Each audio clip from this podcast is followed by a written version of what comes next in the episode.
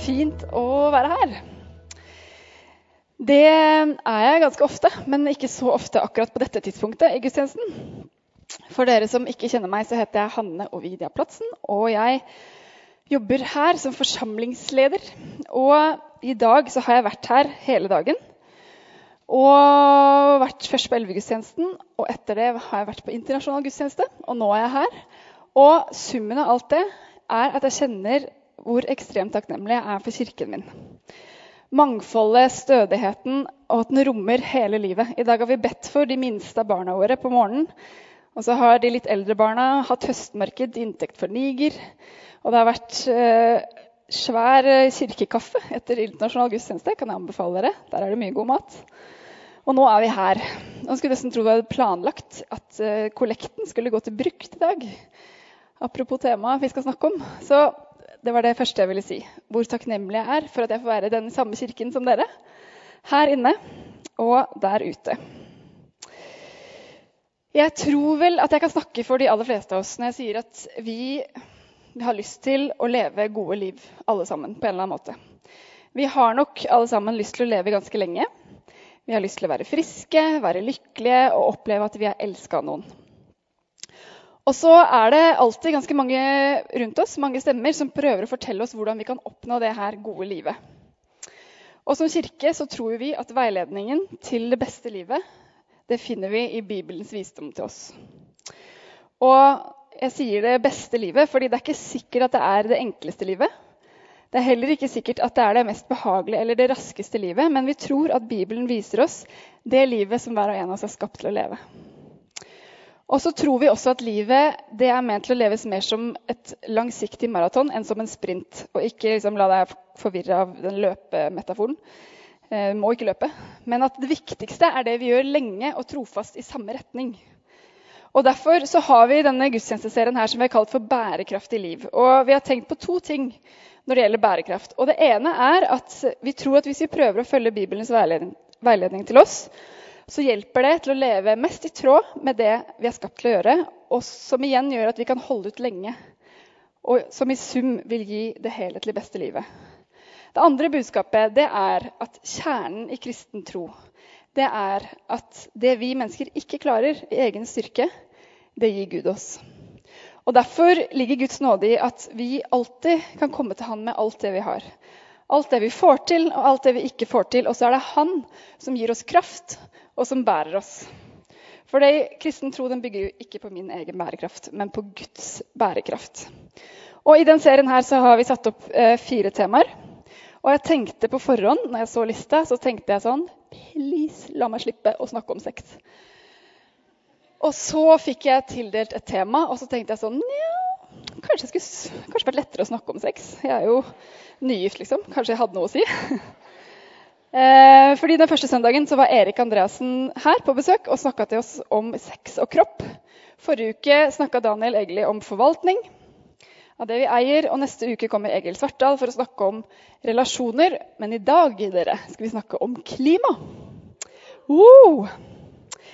Og jeg har grua meg litt til å si det første ordet, klima, fordi jeg tipper liksom at det er ganske mange forskjellige ting man eh, kan tenke som popper opp hos dere når jeg sier det. Noen her tipper jeg er sånn OK, Hold an et lite øyeblikk. Her får jeg kasta grønne klimabudskap mot meg uansett hvor jeg er. Og så skal jeg måtte forholde meg til det i kirken min også. Det tror jeg faktisk ikke at jeg orker. Eller så er det noen av dere som er helt på andre sida, som bare yes, Endelig skal kirken min si noe om klima. Noen tipper jeg er litt sånn skeptiske og tilbakelente og bare Ja vel, ja, vi får se. Det er kanskje en slags sånn greenwashing-tokt. Prøve å gjøre Fillas gode rykte grønt god samvittighet. Ellers så tipper jeg at noen av dere tenker sånn Ja, men hvem er hun der til å skulle si noe om det, egentlig? Som dro på bryllupsreise til Bali i sommer. Eller som forrige uke kjørte tre timer alene i en dieselbil for å hente et bord som mest sannsynlig var laget av noe sånn regnskogtre. Hvem er hun til å skulle si noe om klima? Og i mine mest sånn selvransakende øyeblikk så er det selvfølgelig det siste punktet som har vært verst å tenke på. For jeg prøver så godt jeg kan å ta klimavennlige valg der jeg kan i livet mitt. Jeg prøver å spise mindre kjøtt, men jeg spiser fortsatt kjøtt. Og jeg har hørt at sånn fleksitarianere, som det heter, det er den verste sort pragmatikere. Jeg har ikke bil, men så bor jeg langs eh, en vei der alle mulige forskjellige kollektivtilbud bare popper opp så fort jeg går ut av døra.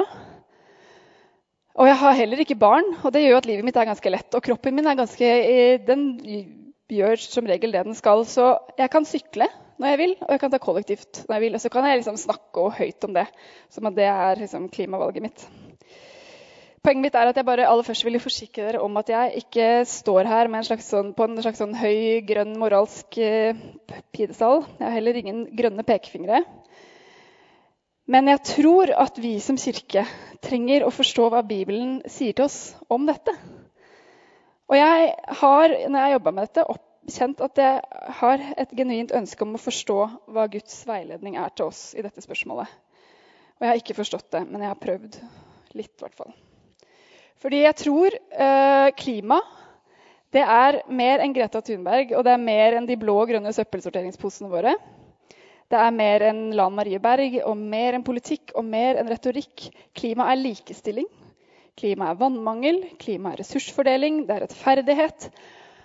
Og det er mye mer enn det. Og det er i bunn og grunn snakk om hele Guds skaperverk. Og hva er vel mer naturlig da enn at Kirken skal snakke om det? Og så, Som Erik Andreassen sa når han var der for to uker siden, så er dette mer, mer som et komma enn som et punktum. Det er et oppspill til en samtale som vi kan fortsette i kafeen etterpå, i småfellesskapene våre, i bilen når vi står og venter i kø på vei til jobb, eller hjemme rundt middagsbordet. Og så snakker jeg nok aller mest til meg selv i dag, tror jeg. For dette har ikke vært så lett. Spørsmålet er altså hva sier Gud til oss i møte med klimakrisen? Hvordan kan vi leve bærekraftige liv? Hvordan kan vi som Guds barn og Jesu etterfølgere forstå hva som er vårt forvalteroppdrag? Og hvordan ser det egentlig ut i praksis? Jeg har tenkt at aller først, før vi gjør noe som helst annet, for å forstå dette, så tror jeg vi må gå helt tilbake. Og jeg tror talen i dag kommer til å være litt sånn først helt ut, og så helt inn, og så litt ut igjen.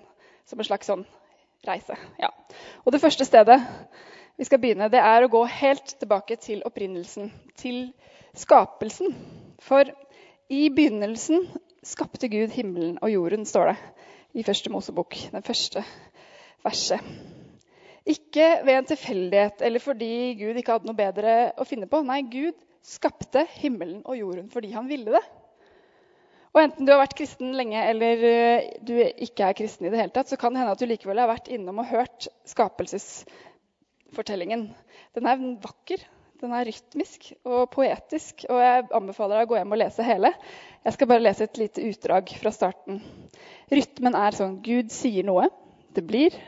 Gud ser på det, og så erklærer han det som godt. Gud sa Jorden skal bli grønn.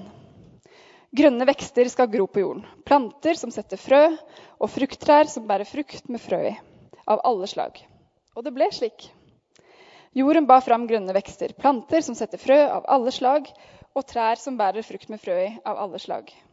Og Gud så at det var godt. Og det ble kveld, og det ble morgen. Tredje dag. Hver gang Gud skaper noe nytt, så avslutter han med det her. Og se, det var godt. Men hva betyr egentlig det? At det skapte er godt? Og hvorfor driver han og maser om det hele tiden? Fordi han er jo Gud. Og han vet jo alt, så hvorfor må han drive og liksom poengtere hele tiden at det er godt? Det kan nesten virke som han bare kniper øynene litt sammen, skaper et eller annet, og så åpner øynene, går litt tilbake og så bare hmm. Det ble ikke så verst. Det var ikke så verst. Det der liksom var relativt greit. Det var ganske godt skaperverk, var det ikke det? da? Akkurat som han oppdager der og da at han har skapt noe godt. Nei, jeg tror ikke det er sånn. Jeg tror Gud vet at det er godt, og at han sier det fordi han nyter skaperverket. Skaperverket er en refleksjon av Guds godhet, av hans skjønnhet og kreativitet. Og hvis det er sånn, så kan man jo si at naturen, bare ved å være natur, priser Gud fordi den er god i seg selv. Vi har sikkert alle på en eller annen måte hatt denne ah, opplevelsen i møte med vakker natur. At det bare er helt sånn overveldende fint. Det kan være de store, høye fjellene eller de bitte små vanndråpene. Og så plutselig så føles livet litt sånn lettere å leve, og problemene de forsvinner litt når skogen bare omfavner deg med alle lydene sine. Eller de første solstrålene om våren når den varmer plutselig. Sommerens første bad, eller når høsten begynner å bli sånn ordentlig oransje og gul. Ah, naturen har på en måte en egen måte å tilføre livet verdi på. Og det er vel kanskje ingen som er mer gladkristne i sosiale medier enn de som observerer en soloppgang eller stjernehimler og høye fjell. Og det er bare sånn hashtag 'Gud er god'. Og jeg kjenner særlig noen nordlendinger som mest sannsynlig har et slags mindreverdighetskompleks. fordi hvis de først har vært i nord, så er det sånn 700 bilder på Instagram. Nord-Norge, dere. Og vi her nede vet jo bare at det er mørkt. Ja, ja, det går bra. Vi syns det er fint, vi òg. Fins det egentlig en eneste engelsk lovsang uten en eller annen referanse til naturen? Oceans og deep valleys og mountains og jeg vet ikke, alle mulige ting. Alle engelske lovsanger snakker om naturen. Jeg tror kanskje der vi merker det aller best, i hvert fall vi som bor eh, i Oslo Her har vi jo det aller meste av det vi trenger, men likevel så kommer det alltid et tidspunkt der alle sunnmøringene lengter hjem til skodda og ikke, den sure vinden eller hva det er. Alle, sunn, alle alle sørlendinger som absolutt skal hjem til alt måkeskriket. Eller de fra Innlandet som av en eller annen grunn elsker å våkne på morgenen, og så er soverommet bare teppelagt av gjødsellukt. Mm, naturen innla i Innlandet er det beste. Jeg vet ikke. Bibelen skriver også mye om natur. Og det er nok en grunn til at engelske lovsangskribenter også gjør det. Fordi den er jo der, og den bare kommer mot oss i all sin prakt. Alt det Gud har skapt, er godt, og ikke noe skal forkastes når det mottas med takk, skriver Paulus i brevet til Timoteus. Godheten i skaperverket og naturen reflekterer Guds godhet, og da må man jo snakke høyt om det. Et lite oppslag i salmene, og så, finner, så vil du finne eksempler på dette. og Jeg skal lese noen av de for deg. Himmelen kunngjør Guds ære. Hvelvingen forteller hva hans hender har gjort. Lovsyng Herren fra jorden, store sjødyr og alle havdyp, ild og hagl, snø og skodde. Stormvind som setter Hans ord i verk, fjell og alle hauger, frukttrær og alle sedrer, ville dyr og alt fe, krypdyr og fugler med vinger. Du lar kilder velle fram i dalene, så bekker renner mellom fjellene. De gir drikke til alle dyr på marken. Ville esler får slukke, slukke tørsten. Der finner fuglene under himmelen sin bolig. De synger mellom greinene. Han vanner fjellene fra sin høye sal. Jorden mettes med frukten av din gjerning. Du lar gresset spire fram for fe og vekster til nytte for mennesket. Du lar brødet komme fram fra jorden, og vinen gi mennesket glede. Fortellingen om hvordan Gud i første Mosebok skaper, om du tolker den billedlig eller bokstavelig, det vet jeg ikke, men uansett så forteller den oss, og den viser oss et bilde av en Gud som elsker og verdsetter alt han har skapt. Og at det er Guds gode vilje at alt liv skal blomstre. Og apropos blomstre. Et av de bildene jeg har hørt oftest brukt om oss kristne opp igjennom i mitt lange kristne liv, det er at vi skal være gartnere i Guds hage. Som en slags sånn mer konkret måte å si at vi er forvaltere i Guds skaperverk, så har dette bildet om oss som gartnere blitt brukt i hvert fall mange søndagsskoleklasser jeg har vært i. Vi leser fra Første Mosebok. Og Gud skapte mennesket i sitt bilde. I Guds bilde skapte han det. Så mann og kvinne skapte han dem. Gud velsignet dem og sa til dem, vær fruktbare og bli mange. Fyll jorden og legg den under dere. Dere skal råde over fiskene i havet og over fuglene under himmelen, over alle dyr som det kryr av på jorden. Og Gud sa, Se, jeg gir dere alle planter som setter frø, alle som finnes på hele jorden, og alle trær som bærer frukt med frø i. Og Litt senere i kapittel 2 så står det, Så tok Herren Gud mennesket og satte det i Edens hage til å dyrke og passe den. Hva er det en gartner egentlig gjør? Jeg prøvde å tenke om jeg hadde en eller annen slags sånn erfaring med å være gartner. Og det eneste jeg kom på, var eh, at det var en slags måte å tjene lommepenger på som barn. Når mamma ba meg om å klippe plenen, luke bedet eller plukke dårlige epler fra, fra hagen. Og ut fra den lille erfaringen så kan det jo se ut som en gartners jobb mest handler om etterbehandling. At det er først når tingene har skjedd, at gartneren kommer inn for å gjøre noe med det. Plukke opp det løvet, eller klippe de buskene som er helt ute av proporsjoner, eller det gresset som har blitt mer som en åker enn som en plen. Men jeg har jo som sagt veldig begrensa erfaring, fordi jeg tror ikke det er sånn egentlig. En gartners oppgave er jo å kultivere, og lenge før det gror. Gjødsle, forberede jorda, tenke helhetlig om hva som trenger skygge, hva som trenger sol, hva som blomstrer når, hva som trenger nytt jordsmonn, hvilken jord som trenger å hvile litt. En gartner søker det beste for alt levende og sørger for at alt som skal vokse opp, skal ha best mulig vekstvilkår. Å være gartnere eller å være forvaltere i Guds skaperverk det handler om at vi kan hjelpe skaperverket med å gi Gud ære. Gjennom å gjøre det mulig for skaperverket å være det det er ment til å være, nemlig godt. Ikke komme i ettertid, men først. Skapelsesteologien kan hjelpe oss til å se at vi som vil følge Jesus Kristus, vi er ikke bare sendt til verden for å snakke om frelse. Vi er det òg. Men vi sendes også for å medskape. For å forvalte og for å glede oss i skaperverket. Fordi Gud fortsatt gleder seg over å gi av skaperverkets goder til mennesker på ulike måter.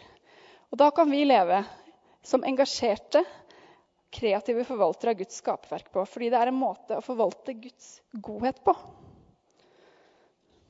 Men OK.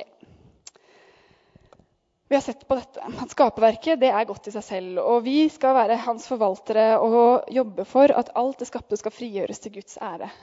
Men så lever vi jo her i 2019. Det er veldig lenge siden Edens hage. Og spørsmålene de bare tårner seg opp. fordi hva kan vi som er forvaltere i 2019, faktisk gjøre? Når alle verdens forskere roper varsko, og FN gir ut den kriserapporten. Vi hører kritiske tall om maks antall grader jorda kan gå med på å varmes opp før det ikke går lenger. Og én ting er gradene. Det står mye om det. Og vi syns kanskje det er litt digg ikke sant, med at det er blitt varmere om sommeren. Så det er jo greit nok. Men så sier rapporten mer enn det. Den peker også på, og den utfordrer hele det økonomiske vekstparadigmet vårt. Og den sier rett og slett at det går ikke an å fortsette sånn. Selv om veksten er aldri så grønn eller fornuftig eller bærekraftig, så kan vi ikke fortsette å forbruke i samme omfang som det vi gjør nå. Og da kjenner jeg jo at det biter litt mer, fordi det der høres ut som noe som kommer til å ha konsekvenser for meg og mitt liv og måten jeg lever på. Og når jeg snakker om det her, så merker jeg jo også at jeg med en gang får lyst til å også stille de andre spørsmålene. Fordi ja vel, så har vi lyst til, og vi skal kjempe for å øh, ta vare på skaperverket vårt. Men et annet mål er jo at vi også vil løfte flest mulig ut av fattigdom. Og da må vel veksten fortsette, eller? For at det skal gå? Eller hvordan er det der? Eller den der klassiske sammenhengen mellom at det vi kjøper her, gir lønn og brød til folk der. Så da kan vi jo ikke slutte helt å kjøpe ting heller. Kan vi det? Eller hvis vi driver og bygger opp masse liksom, grønne produksjonsmetoder her, så er det jo likevel masse ugrønn produksjon andre steder. Batterier i Kongo, f.eks. Paven har skrevet 180 sider til alle katolikker. En encyklika om omsorgen for vårt felles hjem, har han kalt den. Det er en ganske detaljert tekst som jeg vil anbefale deg å gå hjem og lese. Om hvordan vi skal gå sammen i en diger dugnad for å ta vare på jorda vår. Jeg er heldigvis ikke paven. Og jeg skal ikke engang prøve å gi gode svar på alle de spørsmålene. Og det jeg kjenner mest på selv, er denne kognitive dissonansen mellom at på samme tid sørger og har lyst til å gjøre alt jeg kan for å ta vare på jorda, samtidig som jeg ikke skjønner hvordan jeg skal gjøre det, og at jeg liker livet mitt sånn som det er. Men jeg skal likevel prøve å gjøre noe. Selv om jeg i møte med klimakrisen ofte blir målløs, jeg blir redd, og jeg føler meg maktesløs. Og ofte så ender det til slutt med litt sånn apati. Jeg, bare, jeg skjønner det ikke. Jeg trekker opp beina. Jeg skal prøve bare å gi et lite innspill allikevel til et sted å starte. Og skal jeg fortelle en historie, og så skal jeg prøve å si noe om Kirkens oppdrag. For, for deg som har gått på gudstjenester her en liten stund, så husker du kanskje at vi hadde en serie med gudstjenester i vår som vi kalte for 'Verdens viktigste vaner'. Der snakka vi om hvordan gode vaner former oss. Og at vi tror ofte at det er sånn at vi kan tenke oss fram til en ny måte å leve på. Men at det i realiteten er sånn at vi lever oss fram til en ny måte å tenke på. Vanene våre former verden, og verden former vanene våre på godt og vondt. Vi snakka litt om en bok som Stian Aarebrot, som er prest, har skrevet, der han sier at vi blir det vi gjør. Jeg har jo f.eks. skifta etternavn for fire måneder siden. Men ni av ti, kanskje nesten ni og en halv av ti ganger, så presenterer jeg meg fortsatt med det gamle navnet mitt. Eller signerer med det. Fordi det bare sitter i kroppen. Vanene våre sitter i kroppen, i impulsene våre. Så jeg prøver liksom, da. Men fortsatt heter jeg Ni av ti ganger heter jeg Hansen. Eller jeg fikk en annen liksom, oppsiktsvekkende oppvekker denne uka her. For jeg skulle ta heisen opp hjemme til tredje etasje. Det hadde sikkert vært en lang dag. Jeg pleier å ta trappa. Men jeg gikk altså inn i heisen og skulle trykke på tredje etasje. Og så tok jeg opp telefonen. Sånn her, det var på en måte én bevegelse. Inn i heisen, trykk på knappen, opp med telefonen. Jeg bare, opp med telefonen? Skal jeg liksom ha underholdning i Det tar to sekunder å komme seg opp til tredje etasje. Og Grunnen til at jeg tenkte på det den gangen her, det var at jeg tok opp telefonen og tok opp tastelåsen, og det første som møtte meg da, var selfiekamera. Og jeg så rett ned i mitt eget relativt sløve blikk. Sånn så det ut. Hello! Eh, så jeg bare, åh, så Rett dette var det første som møtte meg, og det var derfor jeg også tenkte på det. Jeg hadde ikke tenkt på det engang. Inn i heisen, trykk på knappen, opp med telefonen. Det bare lå der. Fordi sånn er det. Vanene setter seg fast i kroppen vår. Og hva skal vi gjøre med det, da? Jeg, jeg tror vi må øve. I teorien så kommer kanskje tanken om å ta vare på skaperverket først. Men hvis alle skal tenke seg frem til en ny måte å leve på først, da tror jeg kanskje det kan bli sånn at vi alle bare sitter på gjerdet og venter på alle. Og jeg tipper at jeg snakker, men jeg snakker i hvert fall til meg selv her, om at å skulle ta valg der klima er en del av beslutningsgrunnlaget, det må jeg bestemme meg for å øve meg på. Og så tipper jeg at du også som meg kanskje likevel tenker at ja, men uansett hva jeg velger, så føles det bare så lite. Det føles så naivt. liksom. Det er en dråpe i havet eller bare noe man gjør for samvittighetens skyld. Jeg vet jo at det, Hvor mye har det å si at jeg sykler istedenfor å ta en bil? Eller ta ferien ved Mjøsa istedenfor Gardasjøen? Hva hjelper det, liksom? Kanskje Peter Haldorf, han er en forfatter, svensk forfatter og pastor, er inne på noe likevel når han sier at resultatet av våre handlinger, det er ikke vår sak. Vårt ansvar det er å gjøre det vi kan. Første gang vi gjør noe nytt, så føles det alltid litt rart. Det er jo ikke så rart, det er fordi det er nytt. Men litt etter litt så setter det seg i kroppen.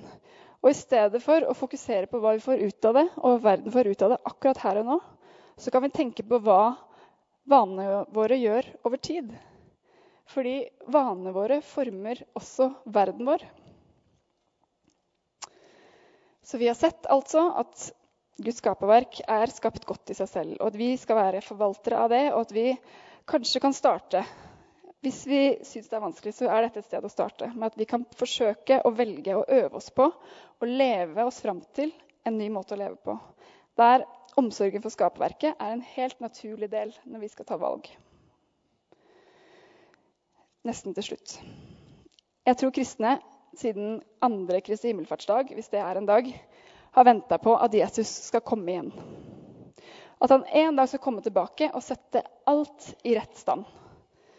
Og det er i spenningen mellom dette at Jesus vant over døden, det som har skjedd, og i påvente av det som, kom, av det som skal komme, av at han skal komme igjen. Mellom der er det vi lever vårt kristne liv. Og så har historien vist oss at vi kristne vi har noen ganger falt litt i noen grøfter når det kommer til dette. På den ene siden så har vi av og til blitt så opptatt av at Jesus skal komme igjen, at vi helt har glemt verden her og nå.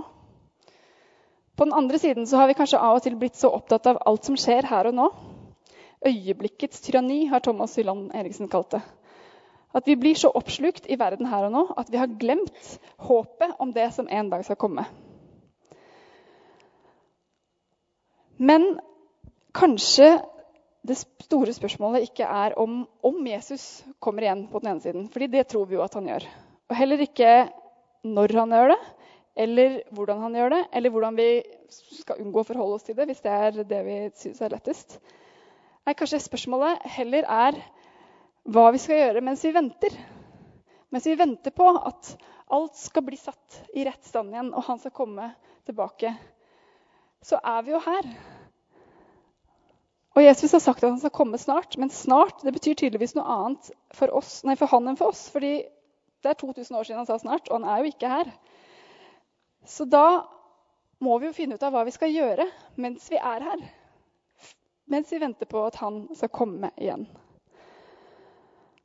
Og det spørsmålet der det fikk meg til å tenke på en, hendelsene i Storbritannia på starten av 1800-tallet.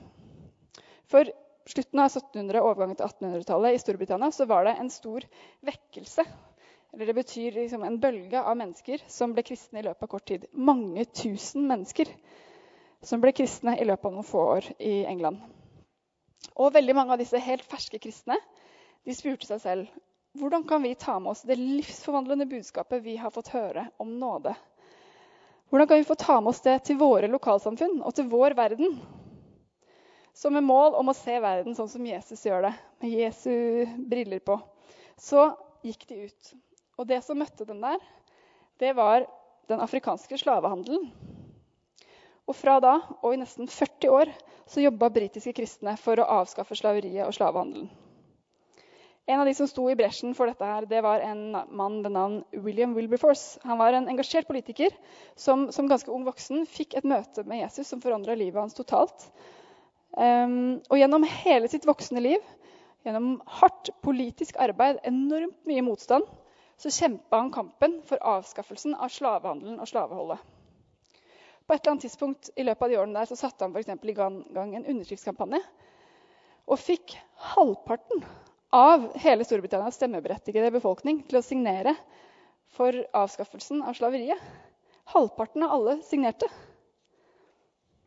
De som tjente seg rike på slavehandelen, de møtte selvfølgelig dette her med stor protest. Og eh, I en del historiebøker så har jeg lest om hvordan plantasje- og kolonieierne de advarte investorene i England om de katastrofale tapene de ville møte på hvis slaveriet ble stoppa. Det var både enorme økonomiske tap for kolonieierne og eller slavehandlerne selv. Men ikke minst stor økonomisk nedgang for befolkningen generelt. Fordi varer produsert av eh, frie arbeidere kom til å bli mye dyrere enn nå som de blir produsert av slaver. Etter mange års kamp så ble loven om avskaffelsen av slaveriet vedtatt. 1933 skjedde det, og den fastslo at all slavehandel skulle opphøre i alle britiske kolonier. I den loven lå det inne en klausul om at plantasjeeiere skulle få kompensasjon for sine økonomiske tap. Vi snakker enorme summer rett fra den britiske statskassa. Og avskaffelsen fikk den konsekvensen som de hadde advart om for den vanlige mannen i gata. Fordi skattene økte fordi man skulle betale tilbake slaveeierne. Og prisen på varer økte fordi de nå ikke ble produsert i slaveri. Prisen for frigjøringen var faktisk så høy at det er en historiker som heter Seymour Drescher, som kalte det for et slags frivillig econocide, et frivillig økonomisk selvmord. Og det er veldig mange forskere som har gått inn for å prøve å forstå hvordan man er villig til å få slutt på så, eller hvordan man er villig til å ofre så mye profitt for å få slutt på slaveriet. At man var villig til å la hele statsøkonomien gå fallitt i én, kanskje to hele generasjoner. Det er fortsatt et mysterium for veldig mange forskere. Her har et helt folk gått med på å redusere egen levestandard for andre menneskers frihet. Mennesker de mest sannsynlig aldri hadde møtt. Historikeren Howard Templey sier at den historien om den britiske slaveavskaffelsen den er så gåtefull. Fordi alle historikere tror jo at politisk oppførsel først og fremst er opptatt av egne interesser. Og nettopp denne mangelen på egeninteresse har fascinert folk siden. Man har fortsatt ikke klart å finne ut av om de som kjempa for avskaffelsen, hadde eh, noe eget å vinne på det. Mest sannsynlig hadde de bare mye å tape. Men det de har funnet ut, er likevel dette her at de som kjempa for frigjøringen år etter år, de siterte ofte fra Bibelen. De snakka om at det fins et håp i mørket. Og de snakka om Guds frelsende nåde. Tre, dager, tre korte dager etter at loven om frigjøring av slavearbeideren ble vedtatt, så døde William Wilberforce. Han hadde kjempa hele livet sitt, men fikk aldri leve i et land der alle arbeiderne var frie. Tilbake til Bibelen. I Det gamle testamentet finner vi mange profeter. Det er et litt rart ord. Men det handler om folk som har fått høre eller fått i oppdrag fra Gud om å eh, si noe om, tale Guds sak i verden. På en tid der eh, det var prestene i tempelet som hadde tilgang på Guds nærvær, og bare de. Profetene i Det gamle testamentet de står fram og de peker på Guds vilje for verden. De peker på tegn på hans tilstedeværelse, og så refser de urettferdighet. Og så kritiserer de urett i sin samtid. Men samtidig som de gjør det her, som de går inn og snakker om hvordan verden akkurat nå burde se ut, og hva som er Guds tanke for den, så har også Gud gitt dem gaven til å forestille seg en alternativ og bedre verden. Prophetic imagination, profetisk forestillingsevne, har noen kalt det. At i tillegg til å snakke til verden slik den var, så malte de også et stort bilde av noe nytt, noe bedre, av Guds framtid. Høres litt ut som William Wilberforce, spør du meg. Profeten Jesaja sier f.eks. at Gud en dag skal holde en fest for alle folk og alt levende. Og dette sier han til folk i fangenskap. Og tørke den siste tåre bort fra deres øyne. Han skal sluke døden for evig, står det. Herren Gud skal tørke tårene fra hvert ansikt. Litt etterpå så snakker Jesaja om en tilstand av shalom. Som betyr fred, som jeg tipper ganske mange vet. Men det er ikke nødvendigvis bare fravær av konflikt og krig. Shalom det betyr noe mye større enn det. Det er en tilstand der hele skaperverket, relasjoner, sosiale strukturer, naturen, alt levende fungerer i et harmonisk og rettferdig samspill. Som gjør at hele skaperverket kan få utfolde seg til det det er skapt til å være. Shalom. Profeten Jesaja uttrykker det poetisk når han sier at ørken og tørt land skal rope av fryd når Guds frelse kommer. Når Gud skaper en ny himmel og en ny jord. Vi som er Kirken i dag, kan det være at vi har fått det samme oppdraget som profetene i Det gamle testamentet, som det kallet som William Wilberforce opplevde for 200 år siden. At mens vi ennå er her, så skal vi kjempe for en mer rettferdig verden nå, og samtidig male håpefulle bilder av det som en dag skal komme. Og selv om vi for det kan hende at vi som William Wilberforce aldri får oppleve den verden selv mens vi lever, så skal vi likevel kjempe for at alt det skapte, får ære Gud. Fordi klima er mer enn Greta Thunberg og søppelsorteringsposer og det grønne skiftet. Det er likestilling og ressursfordeling. Det er rettferdighet. Det er snakk om hele Guds skaperverk. Profetene de prøvde å peke på og tyde tegn som kom fra Gud. Kirken skal også peke på tegn fra Gud. Men kan det være at vi som en forsmak på det Gud har tenkt å gjøre i verden, også skal være tegn? Vi skal selvfølgelig peke på Gud, men kanskje er vårt oppdrag at vi også skal være den forsmaken. Tegn på at Gud har gjort noe nytt. Det står i Kolosserne 1, og overskriften er 'Skapelse og forsoning ved Kristus'. Han, altså Jesus, er den usynlige Guds bilde. Den førstefødte før alt det skapte. For i ham er alt blitt skapt. I himmelen og på jorden, det synlige og det usynlige, troner og herskere, makter og åndskrefter. Alt er skapt ved ham og til ham. Han er før alt, og i ham så blir alt holdt sammen.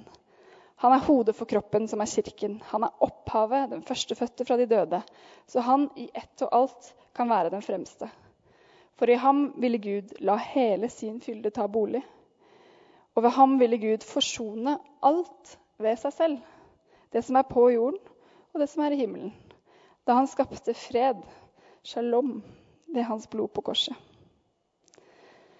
Vi som har sett et glimt av Guds rike, som har fått erfare eller fornemme eller ant dette her, at Guds rike det er egentlig fullkomment. Jeg tror at vi må kjempe mot det mørke uansett hvilken form det viser seg. Om det er individuell synd som skiller mennesker fra Gud, eller om det er på et større plan, om det er sosialt, strukturelt, som degraderer menneskeverket eller skaperverket. Jesus lærer oss jo til og be om at hans rike skal komme på jorda, så som i himmelen. Så hvis Kirken skal være en liten sånn forsmak og en smaksprøve på Guds rike, på hvordan Gud egentlig vil at det skal være, ja, da tror jeg at vårt oppdrag det er ikke bare å elske Gud, men det er også å elske mennesker. Det er ikke bare å samles inne i fine kirkebygg, men det er å være på jobb, i nabolaget, i grøftekantene. Vi skal ikke bare snakke om Guds rettferdighet og at han en dag skal komme og sette alt i rettstand, for det skal han. Men vi skal også kjempe for hans rettferdighet. For et glimt av hans rettferdighet, hans shalom her og nå. Ikke bare peke på Gud, eller peke på tegn fra Gud, men å være tegn. En gang skal Jesus komme tilbake, og da skal han sette alt i rett stand. En ny himmel og en ny jord. Men inntil han kommer igjen, så er vårt oppdrag å både gjøre som hun jenta på bildet, som sitter i kaoset og likevel maler håpet. Det skal vi gjøre. Og samtidig så skal vi kjempe for det gode, for hele hans skaperverk. Det tror jeg er vårt oppdrag. Og når jeg forberedte dette her, så, så, fant jeg Det er en som jobber på Høgskolen for ledelse og teologi, som er utrolig flink med ord. Og han sa dette at kirken er folket som forteller ryktet om en annen verden. Og som allerede nå danser til de sangene fremtiden synger.